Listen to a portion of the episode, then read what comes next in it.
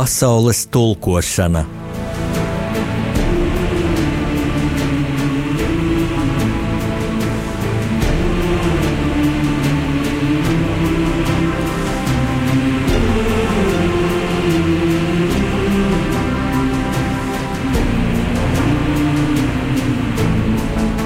Studijā rakstnieks Jānis Udris.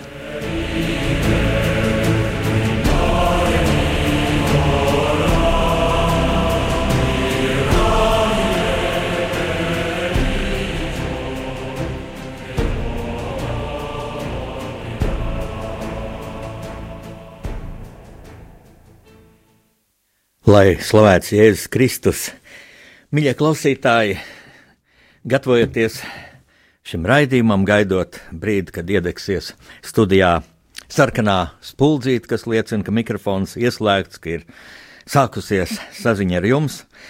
Man ienāca prātā kāds sens arābu tūkstneša cilvēku mm, sakām vārds, būtībā tāda dzīves gudrība, proti, Dvēselē pārvietojas kamiļa ātrumā, un cilvēkam, kad tas ir aizskrējis dvēselē pa priekšu, ir jāapstājas un dvēseli jāsagaida.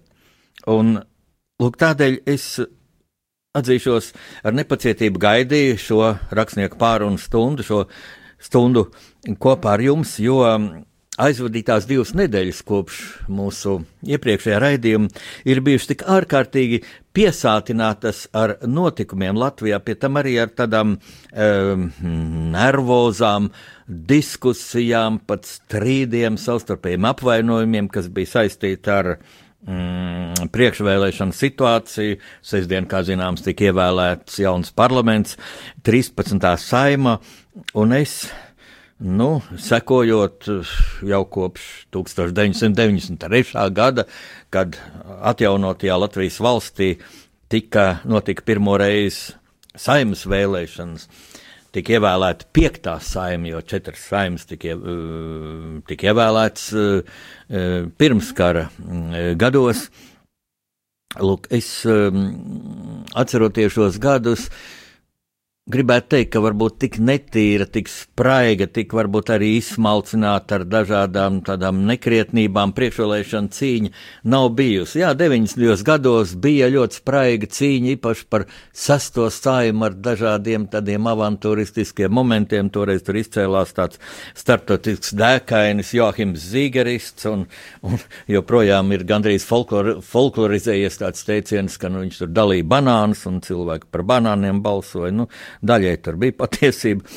E, kā radās šis teiciens, jaunā paudze to nezinās. E, bija tā, ka Zīgerists, nu, lai dabūtu vairāk balsis, e, cilvēks Rīgā sēdināja autobusos un, un, un, un ved uz Jelgavu, kur viņš balotējās, un tur, tur lai par viņu nobalsotu. Nu, un bija karsta diena, un cilvēkiem gribējās dzert un tā kā arī ēst, jo bija ilgi jāgaida šiem autobusiem. Autobusu nebija daudz, cilvēku bija daudz, nu, un tad viņš tur bija licis nopirkt eh, banānus un, un, un kaut kādu minerālu ūdeni, lai cilvēkiem būtu ko dzert. Tā kā lieta nebija tais banānos, bet bija, nu, tādos, mm, faktiski, nu, negodīgos vēlēšanu paņēmienos. Šādu paņēmienu netrūk arī, arī šajās vēlēšanās, un 6.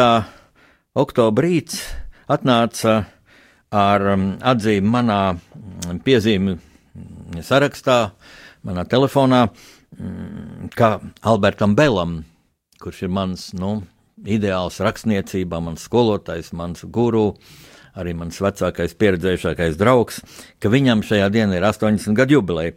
Un es mm, sūtu Albertam zīmīt, ka es viņu apsveicu, vēlu, vēlu joprojām pastāvīgu radošumu, un Alberts man atbild: Paldies! Un tālāk viņš raksta tādus vārdus: Šodien Rīgā plosās vētra, daudzus aizpūtīs, daudzus atpūtīs. Alberts kā vienmēr bija asprātīgs, un viņš domāja saimnes vēlēšanas, un patiešām eh, tā arī notika. Eh, tagad jau vairākas dienas visi plašsaziņas līdzekļi ļoti uh, citīgi komentē šos vēlēšanu rezultātus. Uh, tur jau lēš dažādas uh, koalīcijas, dažādos variantus. Mm. situācija sarežģīta, es tam varu piekrist, jo ievēlētas vesels septiņas partijas, tas ir daudz, tas ir par divām vairāk iepriekšējā saimā, un būs ļoti grūti izveidot valdību, taču es gribētu tiešām šīs mūsu raidījuma minūtes veltīt tādai dvēseles atpūtai un varbūt nesākt nesākt paust savu viedokli, kā šīs koalīcijas Eh, kā šī nu, valdības koalīcija izveidosies, vai būs varavīksnes valdība, vai varbūt būs pat mazākuma valdība. Dažādi varianti ir iespējami. Ir jau pat iespējams tāds variants, ka sastāv valdību no, no profesionāļiem, kuri, kuri nav partijās. Ja, partijas tikai sako, kā viņi strādā. Eh, nu, dažādi pieredzi ir eh, pasaulē. Es gribētu dot dvēselē atpūtu un aicināt jūs pašus klausītāji padomāt, pavērtēt par tādām lietām, ko plašsaziņas līdzekļi šajās dienās skar mazāk. Nu, vispirms jau par to, ka tomēr cilvēka aktivitāte šajās vēlēšanās bija salīdzinoši zema, salīdzinoši zema pasaules kontekstā, jo nu, pasaulē būtībā ir ļoti maz valstu, pat nevar šobrīd nosaukt, kur cilvēki ļoti aktīvi piedalītos vēlēšanās. Varbūt izņemot tādas valsts, kur, kur patiešām jā, ir jāmaksā naudas sots, ir nepiedalījies vēlēšanās, piemēram, Luksemburgā.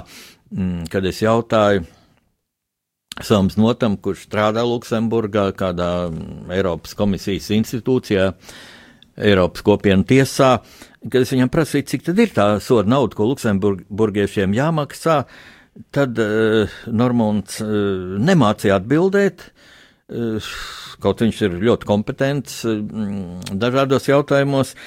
Ir ja vienkārši tā prakse, kad jāmaksā sots, tur netiek, nav vajadzīgs piemērot, jo, jo cilvēki iet un balso. Nu, lūk, tāds apzinīguma līmenis. Pie mums savukārt es internetā izlasīju kādu komentāru patiešām, kas, nu, ir muļķības kalngals kāds vīrs bija rakstījis, ja valdība grib, lai es balsoju, tad lai man par to maksā. Nu, redziet, līdz kādai muļķība var aiziet, jo, nu, kas tad ir balsošana? Tā ir, tā ir kolosāla iespēja, ja piedalīties savas valsts liktenes lemšanā, un ja cilvēkam liekas, ko nu es tāds mazs cilvēks, viņš tur vāru, kādu nozīmi vai es aiziešu vai neaiziešu, nu, tas šis cilvēks patiešām ir mazs, jo sev par tādu padara. Mēs jau savā ziņā, nu, savā ziņā, bet mēs patiešām esam tik lieli vai cik mazi, kā mēs uh, sevi izjūtam, kā mēs sev pozicionējam, jo Dievs taču mūs visus rada vienādus ar kolosālām iespējām realizēt savu dzīvi brīnišķīgā veidā un izdarīt patiešām labus darbus. Nu, fakti ir tādi, ka šogad vēlēšanās piedalījās 54,6% balsu tiesīgo. Nu, paldies Dievam, ka, ka vairāk kā puse tomēr, bet tas ir par 4,3% mazāk kā pērnajā gadā. Nu, interesanti, ka visaktīvākie balsotāji bija vidzemē, tur mm, vēlēšanās piedalījās 60,96%, nu, 61% varētu teikt. Vissliktāk balsoja Latvijā 43%. Nu, te ir par ko padomāt. Un šeit jādomā ne tikai Latvijas iedzīvotājiem, bet es domāju, šeit ir jādomā mūsu nākamajai valdībai, jo tomēr fakti rāda, ka Latvija, jā, valsts ekonomiskajā dzīvē ir visvairāk atstāta tādā kā novārtā. Es patiešām tagad ne, nepadošos inercei vērtēt, kā veidosies šī koalīcija, kas varētu būt nākamais e, premjerministrs, lai gan arī negribu liekuļot, man ir savas simpātijas, precīzāk, nu, cilvēki, kam es uzticētos visvairāk, un es viņus arī nosaukšu. Tas ir Jānis Bordāns, jaunā konservatīvā partija, par kuru es balsoju. Man Man rada tādu stabilitāti sajūtu jau šis vārds konservatīvs, vārds, kas ir ļoti, ļoti aktuāls šodienas pasaulē, pat kristīgajā pasaulē, kur ienāk aizvien vairāk tādas, nu, sēnalu, pseido vērtības, it kā demokrātijas vārdā, kad eh, īpaši Skandināvijas valstīs baznīcā, vismaz Lutāņu baznīcā, tā ir jau tiek akceptēts homoseksuālisms, vienzimuma laulības un tā tālāk, un tā tālāk. Viss tas, ko es nosauktu e, par neiedzībām. Šeit man ir prieks, ka mūsu latviešu, Latvijas kristīgo baznīcu nostāja ir izteikti konservatīva. Ja ir jābūt kaut kur ar stingru mugurkaulu. Es tā iztēlos konservatīvs, tas ir ar stingru mugurkaulu. Nu, un otrs cilvēks, kur es arī pieļauju, kas varētu būt ļoti labs ministra prezidents, tas ir Arts Pabriks, kurš ir ļoti pieredzējis cilvēks. Interesanti, ka es ar Artu Pabriku pirmoreiz iepazinos. Uh, Rīgas Lutera draudzē, kuras loceklis viņš ir. Mēs tikāmies Torņkalnu baznīcā, un tikai pēc tam viņš kļuva ārlietu ministrs, un mēs ar viņu esam daudz tikušies tieši darba sakarā, laikā, kad es biju valdības avīzes Latvijas vēstnesis, ārpolitikas redaktors. Bet mm, pirms vēlēšanām bija divi raidījumi. Divas rakstnieku pārunas stundas rādījumā arī Latvijas programmā, kurās es tikos ar, ar reformu biedrības izveidotāju prezidentu Ivaru Redisonu. Šis vīrs ļoti kompetents, ļoti iedziļinājies mm, vēlēšanu būtībā un arī dažādās neiedzībās, manipulācijās ap šo brīnišķīgo iespēju cilvēkiem balsot. Bet man jāatzīst, tas es aizmirsu, es aizmirsu pateikt kādu ļoti būtisku atziņu no savas puses. Tiešām jāsaka, mana vaina, mana vaina, man vislielākā vaina, ka es nepateicu pirms šīm vēlēšanām, bet balsošanas jau vēl mums būs priekšā. Nākamgad mēs vēlēsim Eiropas parlamentu, un tad būs pašvaldību vēlēšanas, un piena, paies četri gadi, un būs atkal jāvēl parlaments. Un man pašam tikai vēlēšana dienā atnāca atmiņā kāda veca kurzemes māmuliņa, kur tad jau guļ kapkalniņā kad es iepazinos ar viņu klusā kurzemes zvejnieku ciemā, kur es uh, uzcēlu nelielu namiņu, kur es vadu vasaras. Un man tur viss cilvēki bija sveši. Viņi bija pirmā, ar kuriem es iepazinos. Viņi vienmēr nāca pie manis uh, no rīta, dzert kafiju, un tad mēs dzērām kafiju un tā sarunājāmies. Dzidra viņa sauc, Dzidra Kantovska. Kad es dzidrai prasīju, ko, ko tu domā par šo cilvēku, ja? Jo tur tā visu laiku zib apkārt eh, cilvēki, kurus redz pirmo reizi, un, un cits nāk ar draudzību, cits nāk kaut kā ar kaut kādiem glaimiem, cits kaut kur jau nāk iet sūdzēties par, par tevi un kaut kādas intrigas tur vērpt. Un es dzirdēju, prasa, tu te dzīvo visu mūžu, ko, ko tu domā par šo cilvēku, ko tu domā par šo cilvēku, un Zidra teica, zini, viņš nelabi skatās, man viņš nepatīk. Vai arī Dzidra teica, zini, viņam ir labs skatiens, man viņš patīk. Nu, patīks nozīmēja, es viņam uzticos.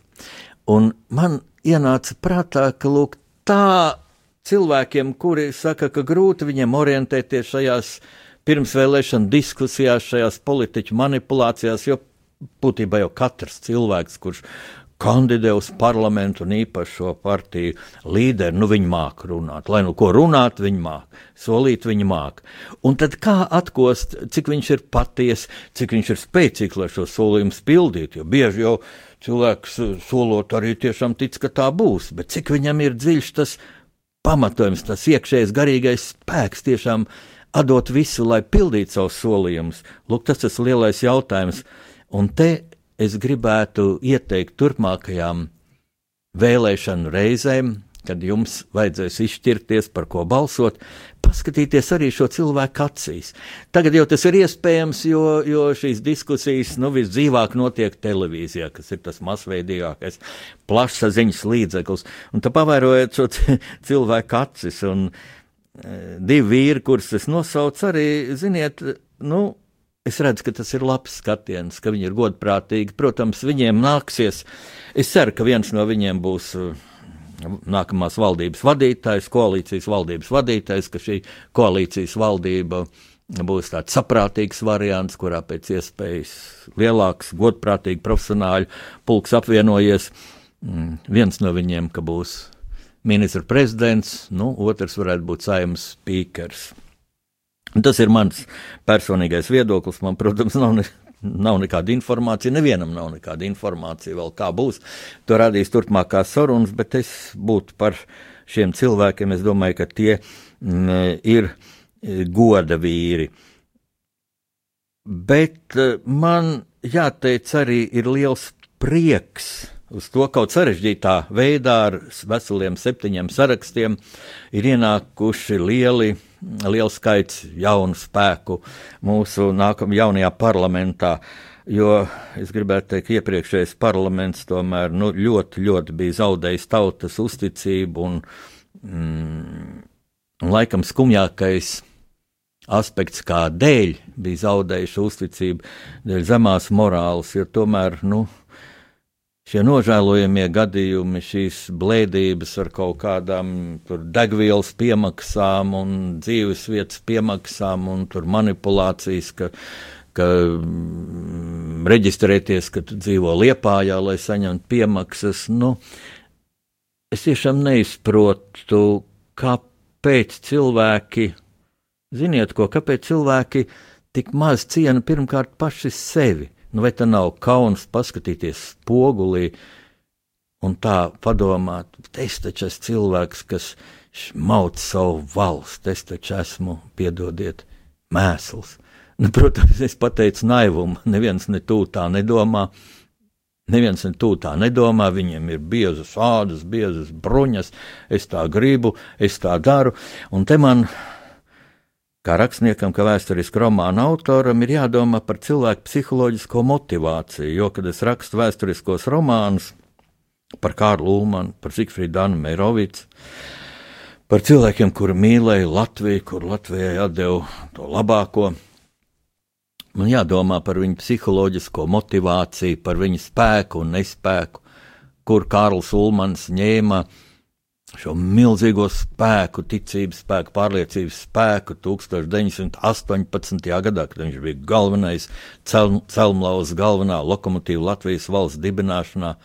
Un kur šis spēks palika, kur šis spēks izčākstēja 1940. gadā, kad Kārls Ulmans sabruka okupantu ultimātu priekšā, kad pateica radio runā, būtībā traģisko un daudziem latviešiem liktenīgo frāzi: Es palikšu savā vietā, jūs palieciet savās vietās. Frāzi, kas būtībā atturēja mūsu polit, vadošos politiķus, mūsu intelektuālo, intelektuālo eliti no emigrēšanas, lai glābtu dzīvību, lai turpinātu ārzemēs strādāt Latvijai tas bija iespējams, bet lūk, šī ulmaņa vārdu to atturēja. Jādomā par ļoti daudziem aspektiem, jādomā par vēsturi. Un tagad es uh, gribētu dot jums iespēju apdomāt šos vārdus, uh, padomāt par vēlēšanām, par savu balsojumu, salīdzinot to rezultātu, kāds tas bija. Varbūt jūs nobalsojāt par kādu partiju, kas palika aiz šīs svītras, bet kurā ir talantīgi politiķi, patriotiski spēki. Nu, jādomā, ka tie, kas būs cienīgi, cienīgi pretendēt uz Latvijas 14. parlamentu, nu, četru gadu laikā pieņemsies spēkā, un varbūt tad jūs varēsiet par viņiem balsot. Bet tagad muzikāla pauze.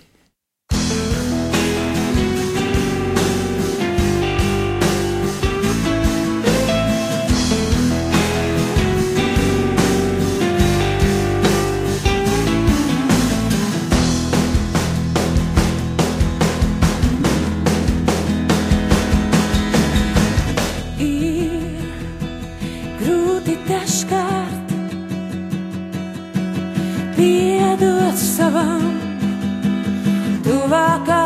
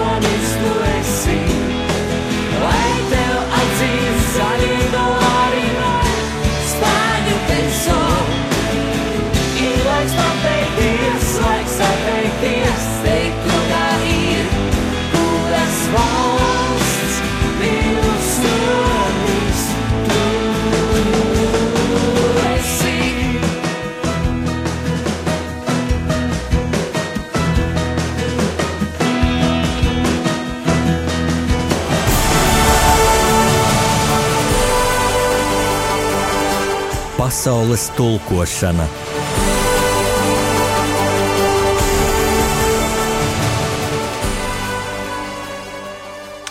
Uh, atceroties, nu, tikai pāris dienas atpakaļ notikušās vēlēšanas, man, teikšu atklāti, man bija tāda, nu, tāda sīkuma sajūta, ja cik būtībā sīka šīs pirmsvēlēšana kaislības, intrigas, apmelojumi, uzbrukumi, eh, frāzes, frāzes, frāzes, solījumi, atkal frāzes. Nu, skatīsimies, kā tie saskan ar, saskanēs ar darbiem, cik tas viss ir sīks mūsu atgūtās neatkarības vēstures kontekstā.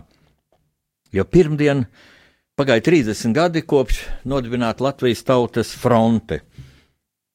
Tautas frontes dibināšana man, manai paudzei, liekas tāds ļoti nesens notikums. Un tomēr 30 gadi. Es arī biju uzaicināts uz konferenci, kas pirmdien notika Dailas teātrī, veltīta šim notikumam.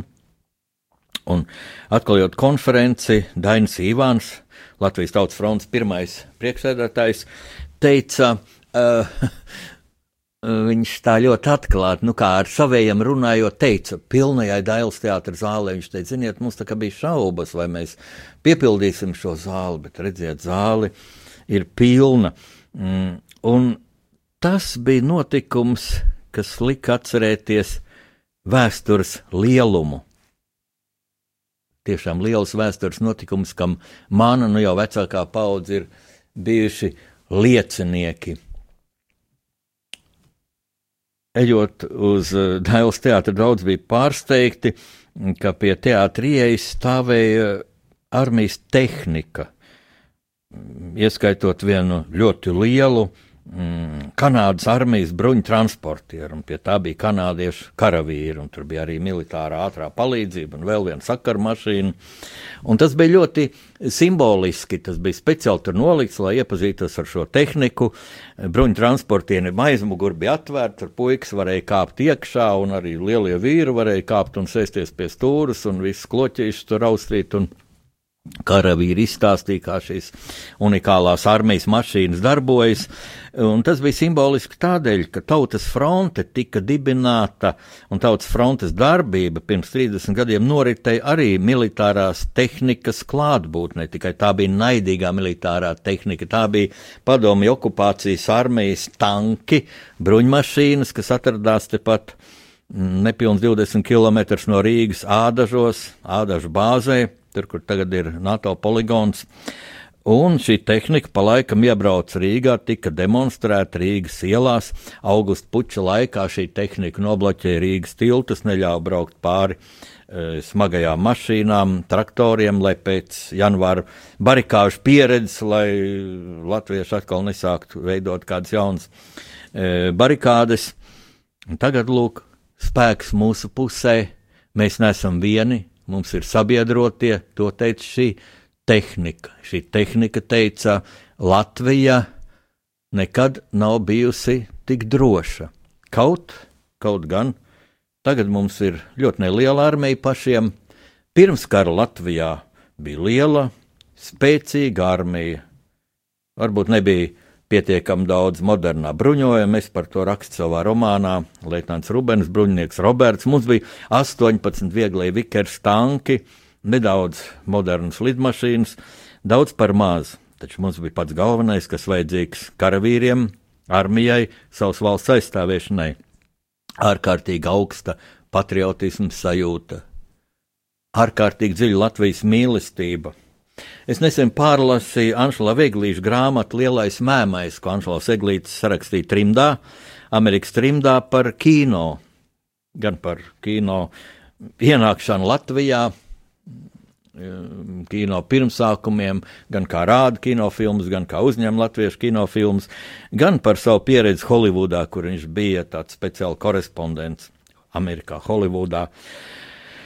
Un tur ir tādi vārdi, ka pirms kara Latvijā katrs puika bija lepns par to, ka viņam ir sava valsts. Lasot to, es tā iedomājos, cik brīnišķīgi būtu, ja mēs šodienas vecākā paudze, vidējā paudze, jaunā paudze, kurai dzimst bērni, prastu katram puikam, katrai meitenītei, nu, ieaudzināt. Ar pavēlēšanu to nevar, bet ar savu piemēru, ar sarunām pateikt, tu esi lepns, tu vari būt lepns, tu esi laimīgs, tev ir sava valsts, jo tā daudziem cilvēkiem, daudzām tautām pasaulē nav, vai arī viņiem ir ļoti nabadzīgas valstis. Vai arī kā manai paudzei, mūsu lielākā daļa pagāja svešā valstī, kaut kādā totalitārā monstrā, padomju savienībā. Un lūk, kas bija tas spēks, kas pirms 30 gadiem deva mūsu tautai pirmkārt pašapziņu, otrkārt gudrību, treškārt drosmi, izdarīt šietam neiespējamo, atjaunot savu valsti. Pirmdienas konferencē daudzkārt izskanēja vārdi: neviens mums Latvijas valsti neatdeva. Mēs to paņēmām, mēs to paņēmām. Skanēja dziesma, atmodas laikā skanēja pirmdienas dailes teātrī, brīvību tēvzemē nelūdzam, pieprasām. Vēl tāds skan ausīs, kā īgoto dziedāja brīvību tēvzemē nelūdzam, pieprasām. Brīvību nevar lūgt, neviens nedos. Jāpieprasa, jāpaņem. Un vēl man nāca prātā, uh, klausoties virkni referātu, tiešām labu referātu par uh, tautas frontēm Latvijā, Lietuvā, Igaunijā, par to sadarbību, par baltiešu vienotību, par mm, ļoti saspīlētajām attiecībām ar Maskavu, par ļoti draudīgo situāciju, par ļoti dažādiem strāvojumiem Latvijas neatkarības atjaunošanas kustībā. Ja tautas fronte bija nu, lielāka organizācija un tāda stabilākā, bet bija arī ļoti radikālas grupas, kas bieži mm, jau gāja uz lielu risku. Pirmdienas konferencē arī izskanēja doma, kas tobrīd, atmodas laikā, bija ļoti aktuāla, un kas nav zaudējusi aktualitāti būtībā arī šodien, kad dažu labu no šīm grupām varbūt bija arī padomi reakcijas spēku valsts drošības komitejas organizēta. Tādas grupas, kas aicināja uz bruņotu cīņu, aicināja uzbrukt padomju armijai, uzbrukt krieviem izraisīt starpnāciju mm, konflikts. Nu, Maskava jau to tikai vien gaidīja. Maskavas reakcionārie spēki, lai ieviestu prezidentu pārvaldi, lai, lai sūtītu pret neapbruņoto latviešu tautu armiju, lai būtu tāda pat izreikināšanās, kā bija Grūzijas galvaspilsētā, Tbilisī, kur padomi desantnieki ar uzasinātām desantnieku sapieru lāpstiņām šķaidīja cilvēkus briesmīgi sakropļojot un nobeidzot briesmīgā nāvē, vai Baku, kur iegāja armija un šāva gluži vienkārši uz cilvēkiem, kur bija izgājuši uz balkonu uzpīpēt. Kā mums izdevās saglabāt tādu mieru, līdzsvaru? Mm, pat pirmdienas konferencē arī izskanēja tāda interesanta doma, ka šie radikālie spēki, kas toreiz nu, ļoti draudīgā situācijā bieži vien noveda mūsu brīvības centienus, e, ka šie spēki vēsturiskā perspektīvā, tagad, kad pateikt, paldies Dievam, ar Dieva palīdzību, ar Dieva sargāšanu, mēs atguvām nu, brīvību ar ļoti nelieliem upuriem, mums dārgiem, bet nelieliem, kad krita daži cilvēki, Andris Lapiņš, Gvido Zvaigzne, vēl daži Latvijas neatkarības idejai uzticīgie policisti, tolaik miliči. Mm Tad tagad var teikt, jā, šie radikālie spēki tomēr arī neļāva iesnausties nu, tādiem mērenajiem tādiem spēkiem, kad gaidīsim, gaidīsim evolūciju, kā, kā šie notikumi gaita attīstīsies. Un tad, ja lūk, Tautas fronte tika dibināta 1988. gada 8. oktobrī. Dienu iepriekš Meža parkā notika grandioza grandioza tautas manifestācija. Un tikai pēc tam, pēc šīs manifestācijas, kur piedalījās nu, vismaz kādi simts tūkstoši cilvēku, visi, visi patriotiskie Latvijas spēki, tikai pēc tam tā ienāca prātā gan tautas frontē, gan jāatzīstās, ir es pats tā iedomājos, bet padomju režīms jau varēja ļoti viegli šo meža parku estrādi un parku ap estrādi aplenkt tur pietikt ar kādu pulku vai diviem pulkiem iekšlietu karaspēku, aplenkt šos cilvēkus, arestēt, pēc tam, ko, ko nu nogalināt, ko, ko izsūtīt uz Sibīriju, ja padomu režīms vēl bija stiprs. Milzīgs risks, milzīga drosme, un laikam jau šis, nu, tobrīd vājais padomu režīms nodrebēja, nodrebēja no latviešu tautas vienotības. Lai gan ka Tautas fronte bija nodibināta, un pirmajās nedēļās jau tajā bija iestājušies vairāk kā 110 tūkstoši cilvēku. Tad nākamajā gadā, tieši pēc gada, 7. un 8. oktobrī, kad notika Tautas fronts otrais kongress, un Tautas frontē bija jau paklausieties šo skaitu 250 tūkstoši biedru, ceturdaļa miljonus, tad lūk, mm, šajā kongresā Tautas fronte nonāca ļoti bīstamā situācijā.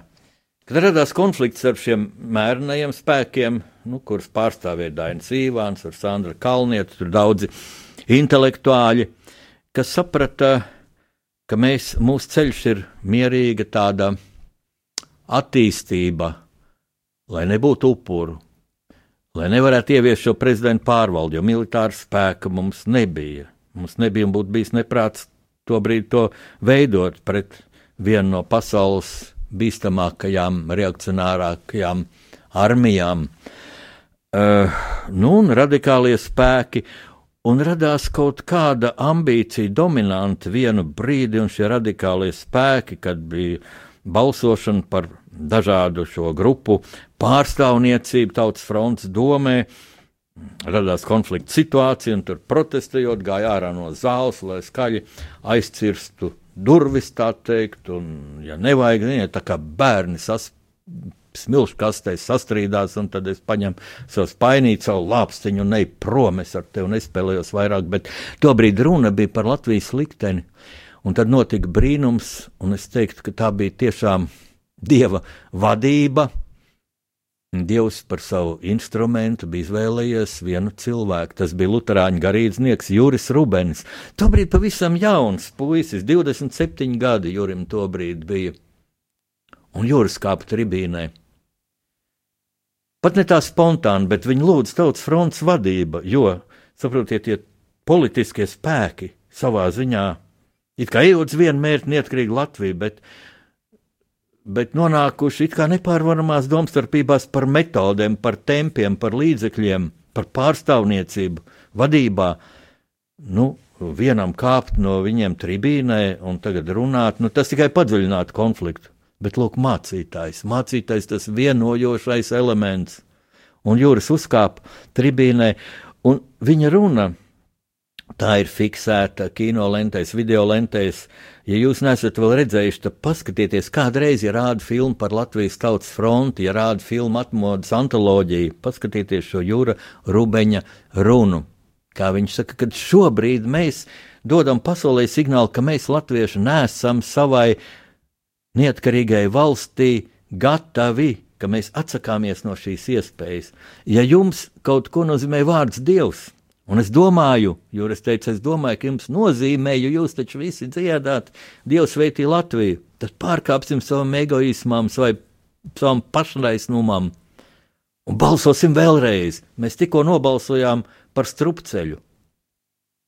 Paceliet roku, kurš ir par to, lai atcaukt šo balsojumu, un tad rokas pacēla visi.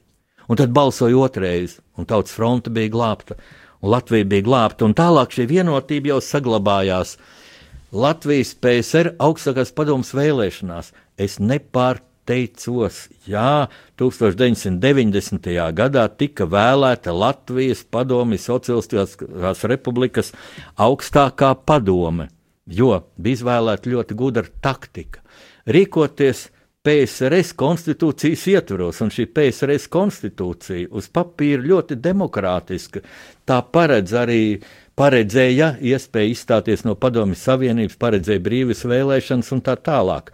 Jo sastādot šo konstitūciju, padomju režīms bija rēķinājies, kad ir čeka, ir, ir dažādas citas drošības iestādes, ir partijas, šis dzelzceļais kontrols mehānisms, vienkārši cilvēki tur tā kā tādās spīlēs un, un cilvēki pat neiedomāsies realizēt šīs tiesības, bet lūk, tautas fronte, mūsu tautas kustība Latvijā, Baltijā nolēma izmantot tieši šo ceļu un sist šo padomu režīmu ar viņu pašu ieročiem.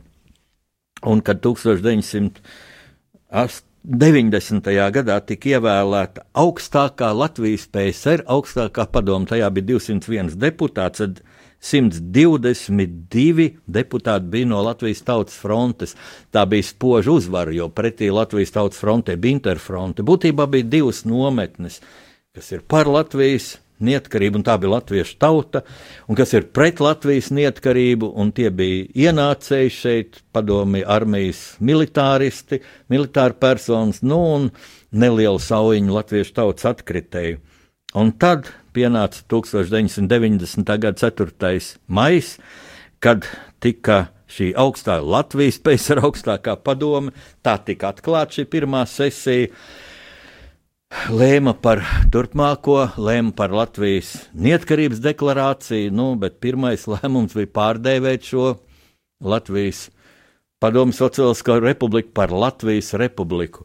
Un tika balsots par Latvijas neatkarības deklarāciju, tur vajadzēja nevis vienkārši vairāk kā pusi no, no balsotājiem, no deputātiem, bet vajadzēja divas trešdaļas, 134 balsojumu par Un tas tika dabūts, un tas tika pārsniegts, nobalsoja 138 deputāti. Un tā bija vēsture. Tas bija tik cildens solis, kad ir ļoti skumji, ka mēs pēc tam pamazām pazaudējām šo vienotību, un tas noveda pie 54% cilvēku, kas piedalījās sestdien Latvijas parlamenta vēlēšanās. Tas ir ļoti skumji, tā ir atsevišķa smaga saruna, kā tas nāca soli pa solim. Nu, tautas fronte reāli, es teiktu, pastāvēja līdz 1993. gadam, kad tika vēlēts jau pirmskara parlaments, pēc pirmskara parauga Latvijas saima, piektā saima, un tajā piedalījās tautas fronte, bet netika ievēlēti parlamentā, jo daudz redzamākie atmodas līderi, tautas frontes vadītāji bija pārgājuši jau citās partijās, daudzi bija pārgājuši Latvijas ceļā, kurš guva vislabākos panākumus šajā piektā parlamenta vēlēšanās. Nu, formāli Latvijas Tautas fronte pastāvēja līdz 1999. gadam, kad pieņēma lēmumu par pašu likvidēšanos.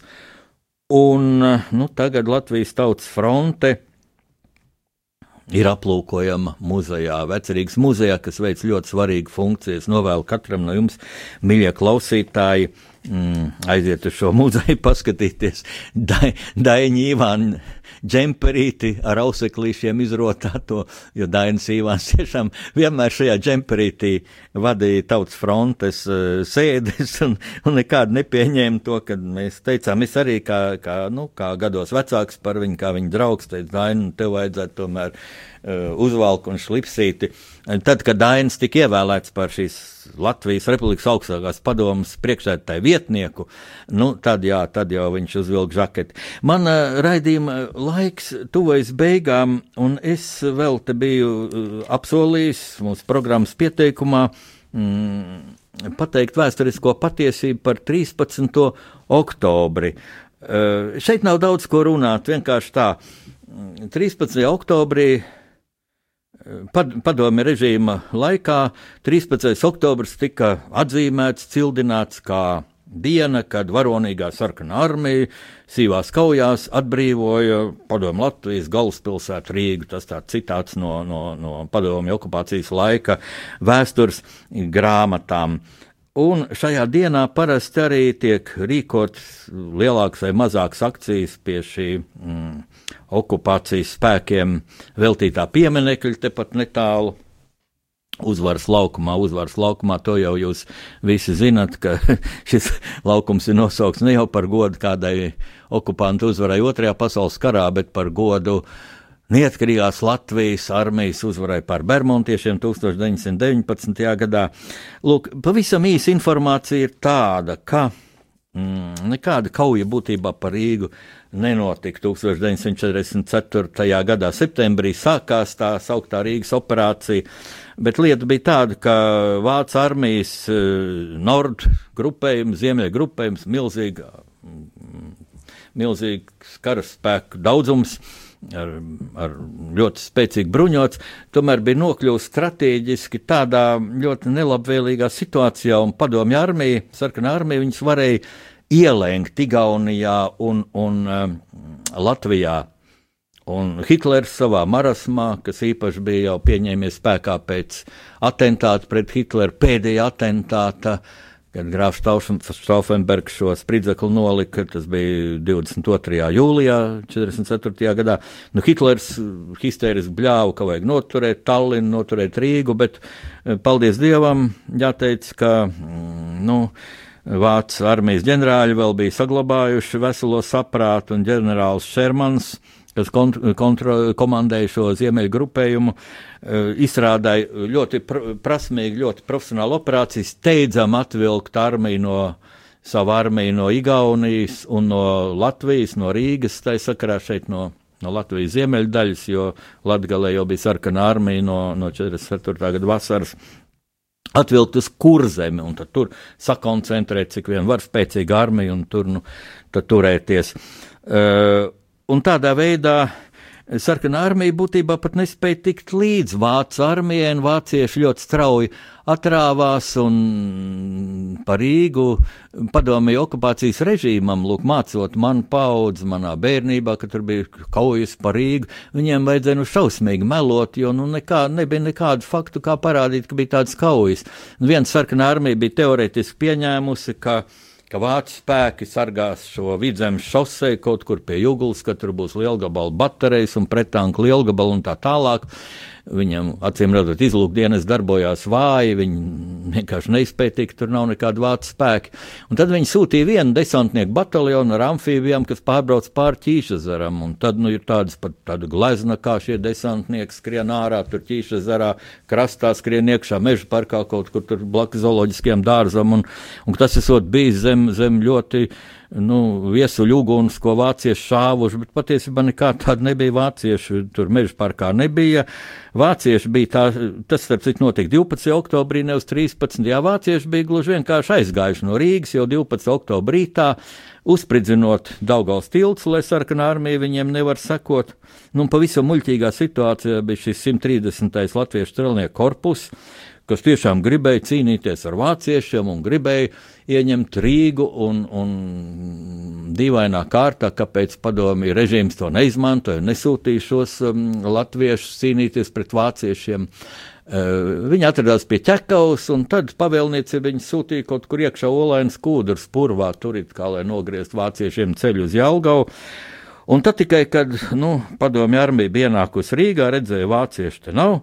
Nu, tā gudroja, kā to kaut kā propagandiski noformēt, un tā šo latviešu strelnieku korpusu tātad no Daugaus kreisā krasta pārcēla uz Daugaus labo krastu, un pēc trim dienām, 16. oktobrī, viņi skanot maršiem, tātad iesoļoja Rīgā, un tā skaitījās tā cildenā Rīgas atbrīvošana. Nu, tie ir tādi vēstures blefi, kuri daudz, es uzskatu par savu rakstnieku pienākumu šādus melus atmaskot. Kādreiz mēs vēl runāsim par tiem mūsu raidījumos, bet tagad, tagad, tagad es tomēr gribu aicināt jūs domās.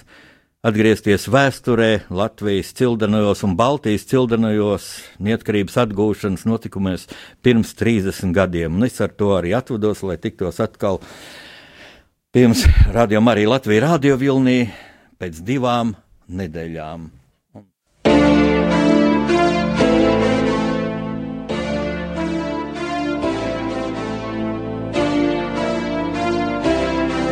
Trīs māsas jūras malā stāv tās nespēks un nogurums māc. Tur bradāta zeme un vēseles, trīs tautu gods un prāts. Bet turņos jau likteņa zvanis.